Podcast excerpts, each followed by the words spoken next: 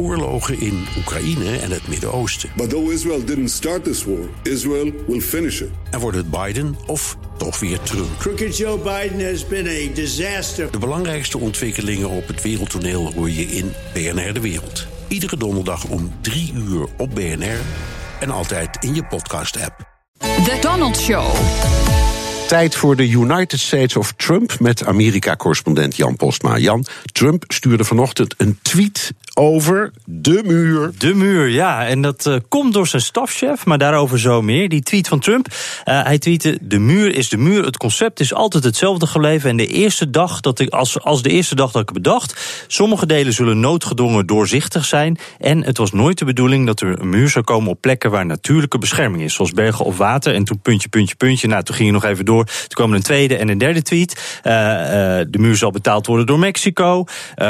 nog wat dingen over NAFTA ja, het is een soort tweetstormpje over die muur geworden. Ja, en die tweet die, die, van Trump die werd dan weer veroorzaakt door zijn eigen stafchef, eh, John Kelly, die had gesproken met een aantal Latino-vertegenwoordigers. Uh, ja, congresleden inderdaad. Ja, ja. En, en, uh, ja, en toen zei hij iets en dat kwam op de voorpagina van de New York Times. Nou, dan weet je als Donald Trump wakker wordt, dat is een krant die hij toch ook leest. en toen kwam die tweet dus. tegen die congresleden zei Kelly dat, dat president Trump niet echt goed geïnformeerd was over de, de details rond die muur. Dat bevestigt ook deze democraat uit Arizona. He said the president of the United States was uninformed. Is that right?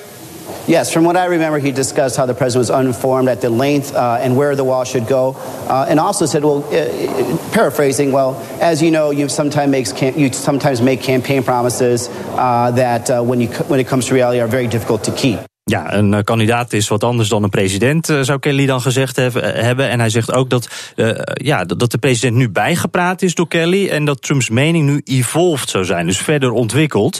en de president zou nu ook iets vrijer denken over hoe zo'n muur eruit moet zien. Maar goed, dan kwamen dus die tweets eroverheen waaruit precies het tegenovergestelde ja, leek. Nou, nou is Kelly van karakter iemand die uh, niet op de voorgrond treedt. Het is zijn taak om de wanorde in dat Witte Huis weer een beetje te herstellen. Ja, ja. Neemt hij nou met deze hele kwestie een risico, Kelly? Ja, dat doet hij zeker. Uh, je ziet ook in de reacties nu uh, van hij doet een Steve Bannon. nou, het lijkt inderdaad op wat Steve Bannon in het verleden ook deed... en waar hij echt ruzie met Trump over heeft gehad.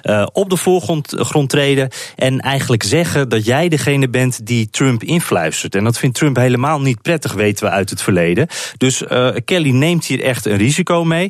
Maar hij heeft er ook een reden voor. Want hij is ondertussen bezig met immigratiehervormingen. En probeert daar democraten en republikeinen uh, bij elkaar te brengen. Dus hij heeft achter de schermen geprobeerd om, uh, ja, om dat voor elkaar te krijgen. Om die democraten ook een beetje in zijn kamp te krijgen. Maar Trump heeft dat allemaal in één keer ja, niet gedaan eigenlijk. Ja, het is een soort van, ik zou maar zeggen, repeterende breuk. Dat je steeds maar ziet dat een bewindsman iets zegt en dat Trump het dan tegenspreekt of andersom. Er wordt beleid geformuleerd over, laten we zeggen, de NAVO. En dan roept minister Tillerson van Buitenlandse Zaken... ja, nee, nee, nee, nee, zo zit het helemaal niet. Nee, inderdaad. Um, ja. Uh, en nu weer. Nu spreekt Tillerson Trump weer tegen. Ja, klopt. Uh, Tillerson die heeft gezegd uh, dat de VS nog lang in Syrië moet blijven om IS daar te blijven bevechten. Want Tillerson zegt van nou ja, als we daar weggaan, dat is natuurlijk het moment dat zij weer opkomen. En hij zegt ook, dat is wel opvallend, hij hoopt Assad weg te krijgen met hulp van de VN. Dan moet er een soort verkiezingen daar komen, of gewoon verkiezingen daar komen, onder leiding van de VN. En dat is natuurlijk ook heel ver af van wat Trump tijdens de campagne heeft gezegd, waarin hij veel isolationistischer was. En waarin hij zei: uh, America first, onze belangen gaan voor. Dat hoor je hier helemaal niet in terug. Uh, het zou wel eens kunnen zijn, dit is speculeren hoor, maar dat Tillerson nu ook even zijn moment pakt. Hij weet natuurlijk dat die Steve Bannon, die andere Trump-fluisteraar, dat hij uit het Witte Huis is. En dat er eigenlijk van die populistische kant op dit moment niet zoveel over is. Dus misschien dat dit het moment is dat Tillerson het ook durft. Uh, nog een opvallend detail hierbij trouwens. Tillerson die leest de tweets van Trump, maar hij laat ze uitprinten. Dat Zo. is ook wel weer mooi. Hij zit zelf niet op Twitter. Uh, maar het werkt op deze manier. En hij zegt, dat vind ik ook wel mooi, door de snelheid van Twitter krijg ik ook meteen alle reacties erbij. Maar ja, dat printen dat duurt soms wel een uur. Dus hij krijgt dan de tweet van Trump, wat reacties. En dan heeft hij ook gelijk zijn eigen gedachten uh, op orde. En dit is eigenlijk de Trump-methode, want die laat artikelen van internet ook helemaal uitprinten. Dankjewel, Amerika-correspondent Jan Postma. Ook Bas van Werven vind je in de BNR-app. Ja, je kunt live naar mij en Iwan luisteren tijdens de ochtendspits. Je krijgt een melding van Breaking News. En niet alleen onze podcast Ochtendnieuws, maar alle BNR-podcasts vind je in de app. Download nu de gratis BNR-app en blijf scherp.